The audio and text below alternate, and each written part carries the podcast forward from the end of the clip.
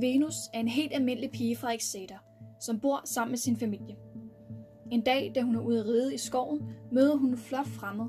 Det viser sig at være generalens søn, Nathan af Tiverton. Da hun en dag modtager et brev fra dronningen om at babysitte den lille prinsesse, er slottet ved at blive angrebet. Nu må Venus beskytte både prinsessen og sig selv. Hvad Venus ikke ved er, at den dystre mand, som står bag angrebet, har en lang fortid med Venus. En fortid, som Venus for længst har lagt bag sig. Venus skal nu kæmpe for at overleve sammen med Nathan og samtidig passe på prinsessen, uden at miste nogen på vejen.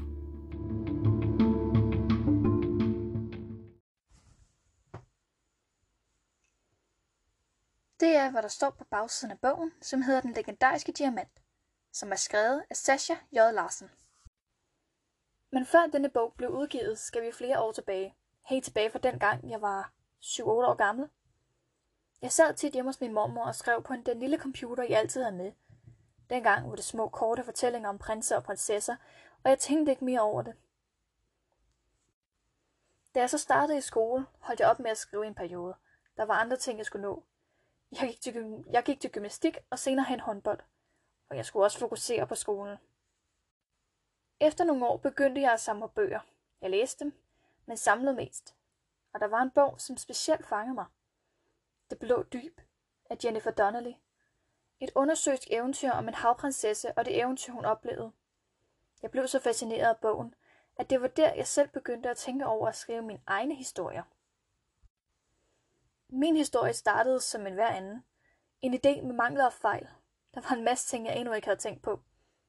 Jeg gik i folkeskole, mens jeg skrev min hverdag og fritid, og forsøgte at få så meget ned på min computer som muligt.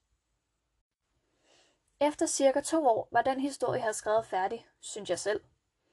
Jeg ville ikke lade nogen læse den, ikke engang mine forældre, så der var sikkert en masse stavefejl.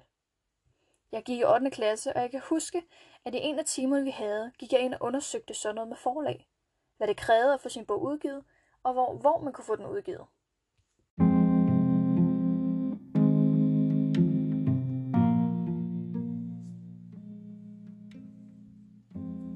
Den første mail, jeg skrev, var til forlaget Alvilda. Jeg skrev mailen tilbage i januar 2017. Sådan her lyder mailen. Hej forlaget Alvilda. Jeg har skrevet en bog, og jeg vil høre jer, om I havde lyst til at læse den igennem, og give mig feedback. Det vil glæde mig, hvis I havde lyst til at læse den. Hilsen Sasha J. Larsen. Jeg hørte aldrig noget fra forlaget. De synes nok ikke at min bog. Men to måneder senere sendte jeg den til et nyt forlag. Heller ikke noget svar. Fra det tidspunkt tænkte jeg, at det nok måtte være noget galt med historien, så jeg gav mig til at rette den, og 8 måneder senere sendte jeg den atter til forlaget Vilda, men fik stadig ikke noget svar. Jeg prøvede to yderligere forlag og håbede på et svar. Jeg fik svar fra et forlag, som hed Rosiante Company. Det ligger inde i København. Og jeg kan huske, at den dag efter skole skyndte jeg mig til København, løb op ad tre etager for at nå at aflevere min manuskript til forlaget, inden de lukkede. Jeg nåede det, knap og nap. Nogle måneder senere fik jeg mit manus tilbage og en afvisning. Efter flere forsøg begyndte jeg langsomt at give op. Det virkede ikke som om nogen ville have min bog, så jeg lagde både forlagene og bogen fremme i en periode. Der skete en del efter det. Så noget med skolen. Det var en svær tid i skolen for mig. Så det, her, det, at, det at kunne læse og skrive, det var min måde at slippe væk fra hverdagen på. Og det er det stadig. En morgen inden jeg skulle i skole, kom min mor ind til mig på mit værelse og fortalte mig om et forlag, som havde udgivet en bog af en forfatter, som var ordblind. Jeg er ikke ordblind. Det vidste min mor godt. Men det var af god mening, at hun gav mig idé til at skrive til dem.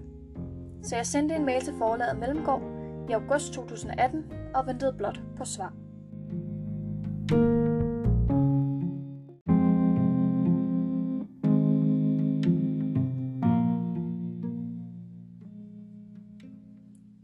Den 4. august 2018 modtog jeg en mail. Jeg var lige vågnet og tog min telefon frem, som lå under min pude, for at tjekke mine beskeder. Mine øjne skulle lige vende sig til lyset fra min skærm, men det jeg læste fik mig til at vågne med et sæt. Udgivelse. Forlaget vil gerne udgive værket i bogform i den nærmeste fremtid. December 2018. Jeg var så glad, at jeg straks rejste mig fra sengen og nærmest skreg. Men så læste jeg videre. Dette kan kun lade sig gøre, hvis du yder et bidrag, tilskud, til produktionsomkostningerne på 15.000 kroner. Jeg tænkte, at det var det. Der var ikke på nogen måde, at jeg kunne betale så mange penge, og endda ikke mine forældre. Jeg rejste mig fra seng og gik ud på terrassen og fortalte dem den gode nyhed. De var selvfølgelig glade, men også en smule forvirret, fordi de vidste ikke, at jeg havde arbejdet på den bog.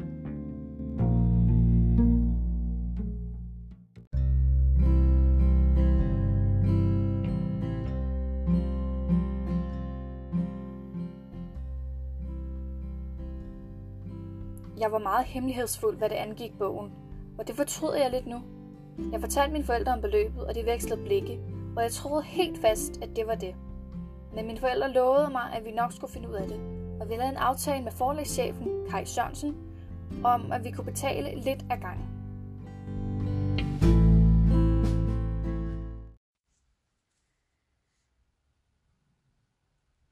Fordi min podcast handler om min bog, så har jeg tænkt mig at interviewe min mor, fordi hun var sådan en af dem, der vidste lidt mere om det, end min far han gjorde. Hvordan havde du det med ikke at vide noget om forløbet, før jeg sådan egentlig fortalte om det? Eftersom jeg ikke rigtig vidste noget, så kunne jeg jo ikke rigtig sige så meget. Øhm, da du kom og fortalte mig om, at du havde kontaktet nogle forlag, blev jeg overrasket. Øh, hvad hedder det? Stum. Vidste ikke, hvad jeg skulle sige.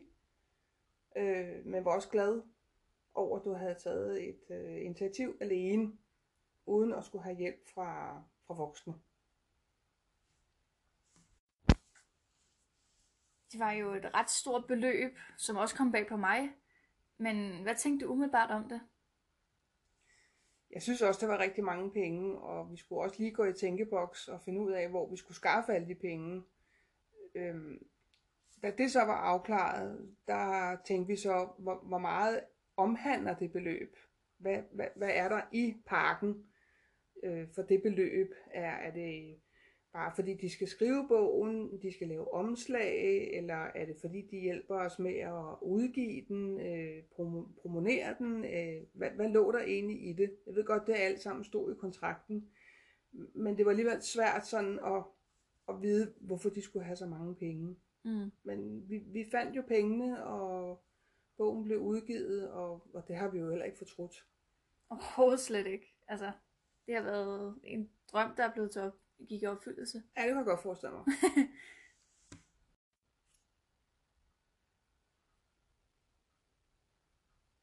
Hvad gjorde vi egentlig for at få budskabet ud af min bog? Øhm, eftersom forlaget havde sagt, at de ikke ville gøre så forfærdeligt meget, så skulle vi jo selv stå for øh, promoveringen af, af bogen. Øhm, og der var det med at lægge hovederne i, i blød og så tænke, hvad, hvad gør vi her? Fordi der er ikke nogen af os, der har vant til at gå ud og, og ligesom at sælge sig selv på, på den måde. Og, og så lige pludselig skulle sælge din bog på, på, på sådan en måde der, det, det, var, det var lidt svært. Men øhm, vi, vi var så heldige at få noget materiale fra forlaget, som vi så kunne bruge til at gå ud og sige, jamen, øh, en lille plakat, en lille spiseseddel, sådan, vil, vil du have den liggende her, så, så folk kan læse noget om det. Vi var ude og kontakte nogle boghandlere, øh, som var så søde, og så sige, jamen, øh, vi vil gerne hjælpe, og vi vil gerne bestille bogen hjem, øh, men, men vi skulle så også ligesom selv holde, holde øje med, hvordan det gik, ikke? Jo. Og øh, jeg gik simpelthen til, til ekstremerne måske, øh, men nogen nok synes, Ja. at jeg gik ind på en hjemmeside og bestilte nogle magneter, jeg kunne have på min bil. Øh, I første omgang med, med udgivelsesdatoen, og, og senere og bestille nogle andre nogen, som ligesom fortæller lidt om, hvad handler det her om, og, og det ligesom vækker en interesse. Øhm, og de, de sidder bag, stadigvæk både bag på min bil og på siden af min bil. Og eftersom det er magneter, så kan vi flytte den over til, til Sashas fars bil også.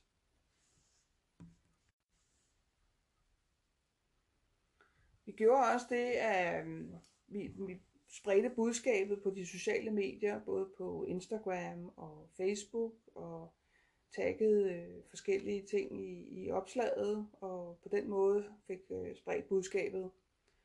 Og det er der selvfølgelig også kommet nogle reaktioner på, blandt andet ved at Sashas lillebror øh, går til håndbold, hvor der var nogle af hans kammerater, Og hans søskende, som også gerne ville læse bogen, og de havde så fået den i julegave. Og vi lavede så en lille aftale om, at det godt kunne lade sig gøre, at Sasha hun signerede bogen. Øhm, så det var de jo rigtig glade for.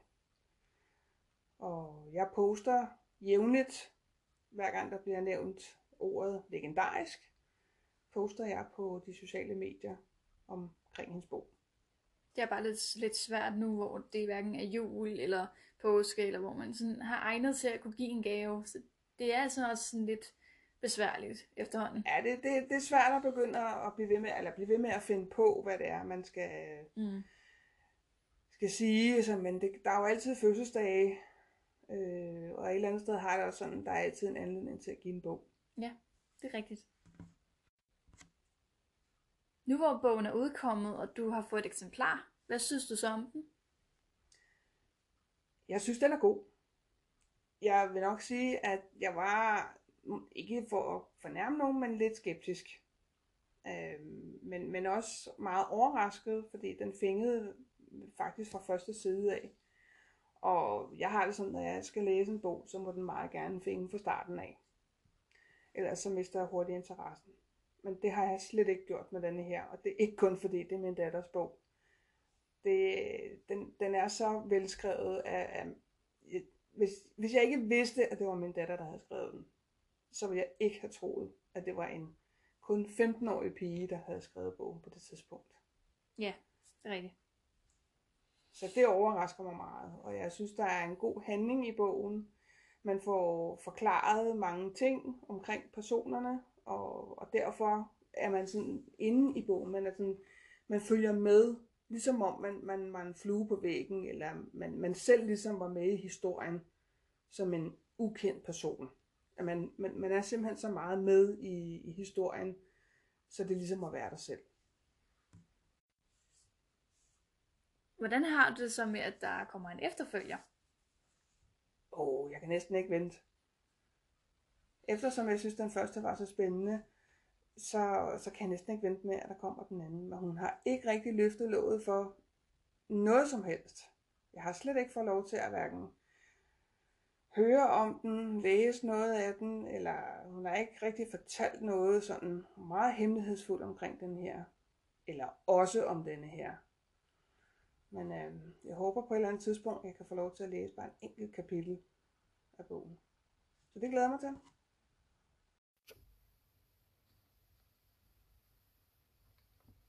Sammen med mailen om udgivelsen var der tre vedhæftede dokumenter. Den ene var en marketingsføringsbrev, en udgivelsesproces og en vurdering af min bog. Jeg vil gerne læse noget op af det, der står af vurderingen af min bog. Kære Sascha Larsen, mange tak for det fremsendte manuskript, Den legendariske diamant. Lad mig indledningsvis sige, at jeg synes, det er meget imponerende, at du i så ung en alder har kastet dig over skriveriet og har arbejdet så længe med manuskriptet. Det er flot, og jeg synes også, der er kommet en rigtig god historie ud af det. Det skal lige siges, at inden jeg sendte min bog til forlaget Mellemgård, redigerede jeg hele bogen endnu en omgang, og ændrede også en del ved historien. Jeg troede ikke helt på, at det var sandt, at jeg skulle udgive en bog, men den var god nok, og for det øjeblik skulle der arbejdes igennem, trods at jeg havde mine eksamener at tænke på.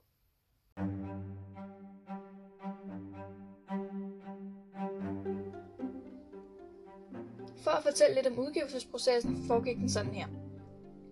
Redigeringsprocessen indledes, manuskriptet redigeres, forfatteren arbejder med redaktørens anbefalinger, redaktøren gennemlæser forfatterens ændringer, opsætningen begynder, forfatteren gennemlæser materialet, og bogen er færdig. Så var der en hel del, der skulle nås, men jeg havde masser af tid, for jeg var færdig med folkeskolen og skulle begynde på produktionshøjskole på musik- og dramalinjen. Kort tid efter jeg var startet på produktionshøjskolen, fortalte jeg dem om min bog. De var meget imponeret, og de troede ikke helt om mig, men de havde jo også kun lige mødt mig. Min dramalærer fortalte mig, at hun gerne ville lave noget stort ud af min bog blev udgivet. Men jeg var ikke så meget for idéen til at starte med. Men hun fik mig overtalt. Mens jeg gik på produktionshøjskolen, fik jeg tid til at rette min bog op til flere gange, og fik lavet en lille ting, der skulle stå om mig, om og et forfatterbillede. En produktionshøjskole er en skole, næsten ligesom 10. klasse, bortset fra at man ikke får nogen lektier for, så det var kun en befrielse. Det gav mig tid til at kunne skrive og rette. Selvom der ikke var nogen lektier, så havde vi alligevel ting at lave. Vi skulle blandt andet optræde flere gange i løbet af året, men jeg havde stadig tid til at skrive, hvilket var heldigt. Ellers havde bogen nok ikke været udgivet sidste år.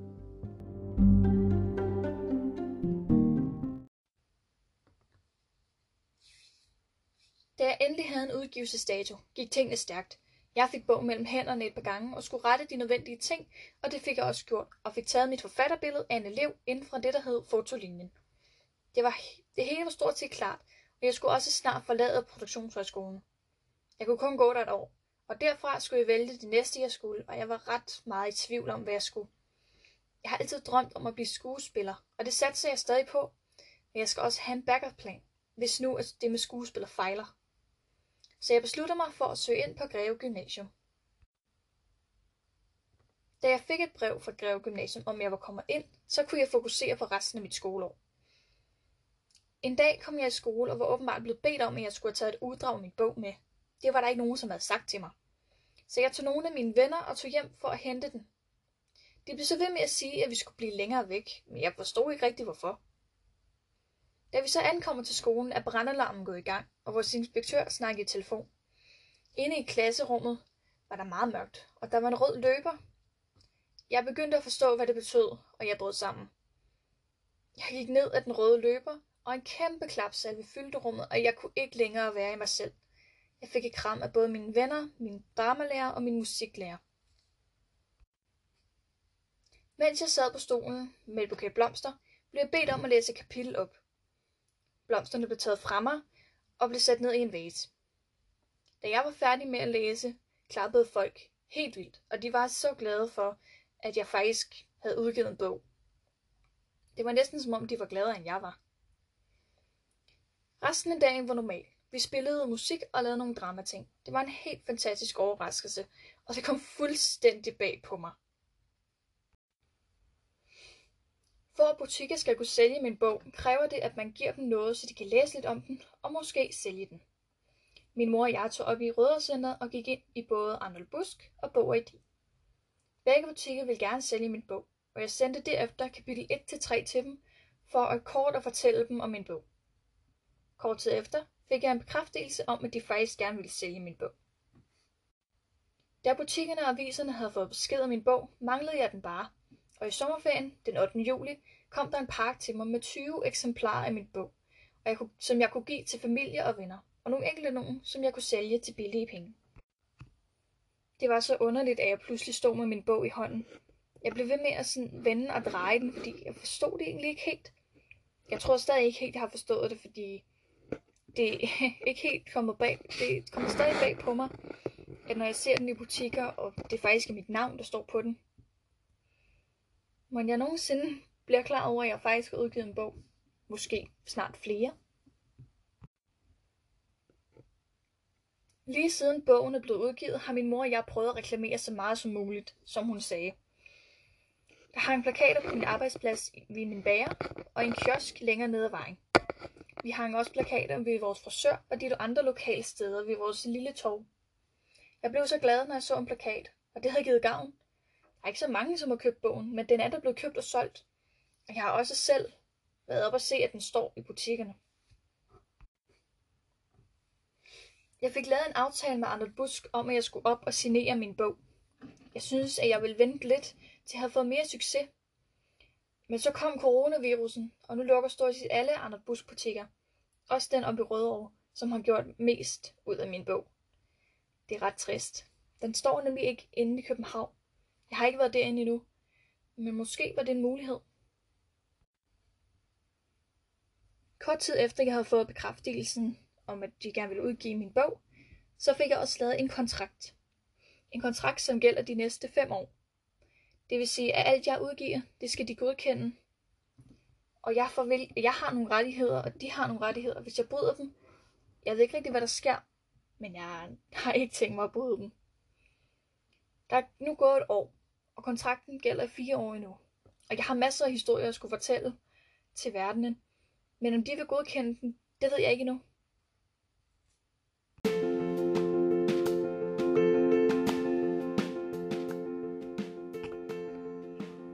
Folk køber stadig min bog, og jeg tjener også penge på det, og håber, at jeg en dag kan tjene nok hjem til det, som det kostede at forlade bogen. Eller måske tjene mere.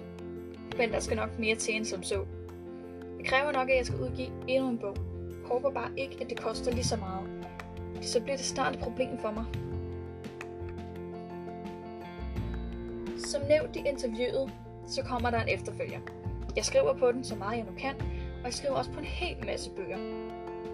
Nogle af dem har jeg skriveblokeringer i, og andre kan jeg bare ikke finde på noget. Selvom jeg gerne vil være skuespiller, så kan man jo sagtens være forfatter ved siden af. Og det er det, jeg har tænkt mig. For jeg mener selv, at en bog ikke er nok. Jeg vil blive flere. Måske blive kendt nok. Men nok ikke lige så kendt som J.K. Rowling. Men måske bare tæt på. Det er i hvert fald det, jeg håber på ved at have udgivet en bog.